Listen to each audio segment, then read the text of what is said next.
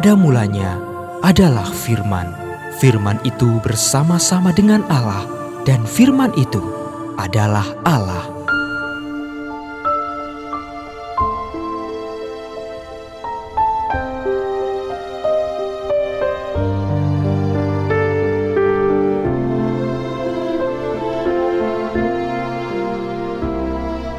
Kejadian pasal 18 ayat 1 sampai dengan 33. Allah mengulangi menjanjikan seorang anak laki-laki kepada Abraham.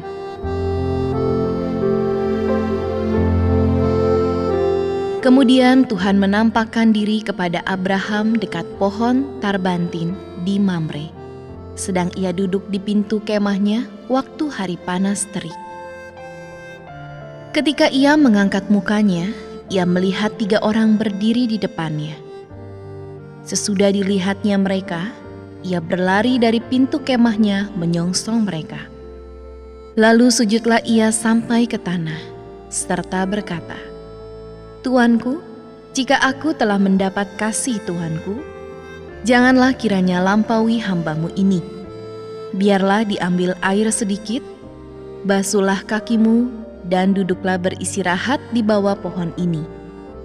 Biarlah ku ambil sepotong roti, supaya tuan-tuan segar kembali. Kemudian bolehlah tuan-tuan meneruskan perjalanannya, sebab tuan-tuan telah datang ke tempat hambamu ini.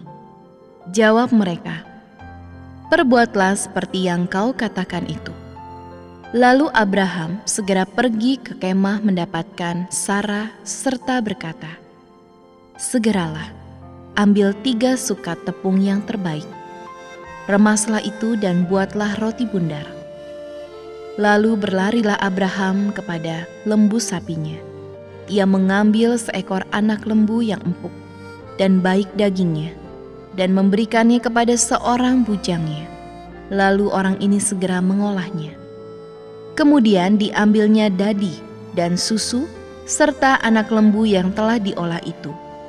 Lalu dihidangkannya di depan orang-orang itu. Dan ia berdiri di dekat mereka di bawah pohon itu, sedang mereka makan. Lalu kata mereka kepadanya, "Di manakah Sarah istrimu?" Jawabnya, di sana di dalam kemah. Dan firmannya, sesungguhnya aku akan kembali tahun depan, mendapatkan engkau pada waktu itulah Sarah istrimu akan mempunyai seorang anak laki-laki. Dan Sarah mendengarkan pada pintu kemah yang di belakangnya. Adapun Abraham dan Sarah sudah tua dan lanjut umurnya, dan Sarah telah mati haid.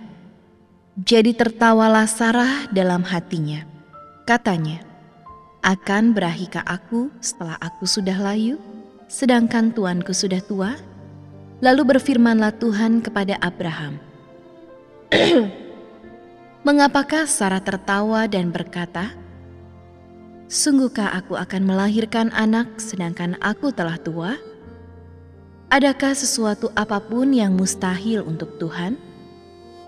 Pada waktu yang telah ditetapkan itu tahun depan, Aku akan kembali mendapatkan engkau. Pada waktu itulah Sarah mempunyai seorang anak laki-laki. Lalu Sarah menyangkal, katanya, "Aku tidak tertawa, sebab ia takut." Tetapi Tuhan berfirman, "Tidak, memang engkau tertawa." Doa syafaat Abraham untuk Sodom. Lalu berangkatlah orang-orang itu dari situ dan memandang ke arah Sodom dan Abraham berjalan bersama-sama dengan mereka untuk mengantarkan mereka. Berpikirlah Tuhan, apakah aku akan menyembunyikan kepada Abraham apa yang hendak kulakukan ini?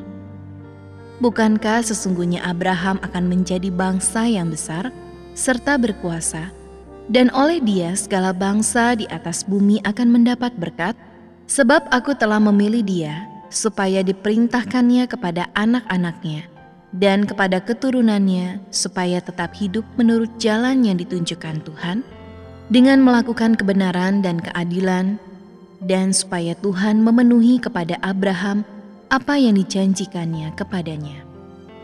Sesudah itu berfirmanlah Tuhan, Sesungguhnya banyak keluh kesah orang tentang Sodom dan Gomora, dan sesungguhnya sangat berat dosanya. Baiklah aku turun untuk melihat apakah benar-benar mereka telah berkelakuan seperti keluh kesah orang yang telah sampai kepadaku atau tidak. Aku hendak mengetahuinya. Lalu berpalinglah orang-orang itu dari situ dan berjalan ke Sodom. Tetapi Abraham masih tetap berdiri di hadapan Tuhan. Abraham datang mendekat dan berkata, Apakah engkau akan melenyapkan orang benar bersama-sama dengan orang fasik? Bagaimana sekiranya ada 50 orang benar dalam kota itu? Apakah engkau akan melenyapkan tempat itu dan tidakkah engkau mengampuninya karena kelima puluh orang benar yang ada di dalamnya itu?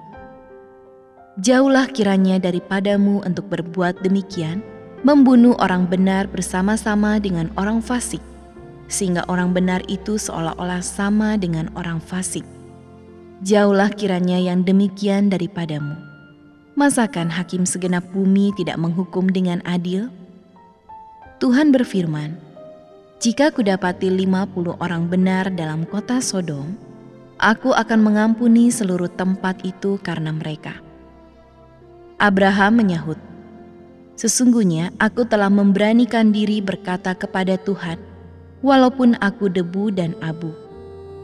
Sekiranya kurang lima orang dari kelima puluh orang benar itu, apakah engkau akan memusnahkan seluruh kota itu karena yang lima itu? Firmannya, Aku tidak memusnahkannya jika kudapati 45 di sana. Lalu Abraham melanjutkan perkataannya kepadanya. Sekiranya 40 didapati di sana, firmannya, aku tidak akan berbuat demikian karena yang 40 itu. Katanya, janganlah kiranya Tuhan murka kalau aku berkata sekali lagi. Sekiranya 30 didapati di sana, firmannya, Aku tidak akan berbuat demikian jika kudapati puluh di sana. Katanya, sesungguhnya aku telah memberanikan diri berkata kepada Tuhan. Sekiranya dua puluh didapati di sana, firmannya, aku tidak akan memusnahkannya karena yang dua puluh itu. Katanya, janganlah kiranya Tuhan murka kalau aku berkata lagi sekali ini saja. Sekiranya sepuluh didapati di sana, firmannya, aku tidak akan memusnahkannya karena yang sepuluh itu. Lalu pergilah Tuhan setelah ia selesai berfirman kepada Abraham, dan kembalilah Abraham ke tempat tinggalnya. Janganlah engkau lupa memperkatakan kitab Taurat ini, tetapi renungkanlah itu siang dan malam, supaya engkau bertindak hati-hati sesuai dengan segala yang tertulis di dalamnya. Sebab dengan demikian, perjalananmu akan berhasil dan engkau akan beruntung.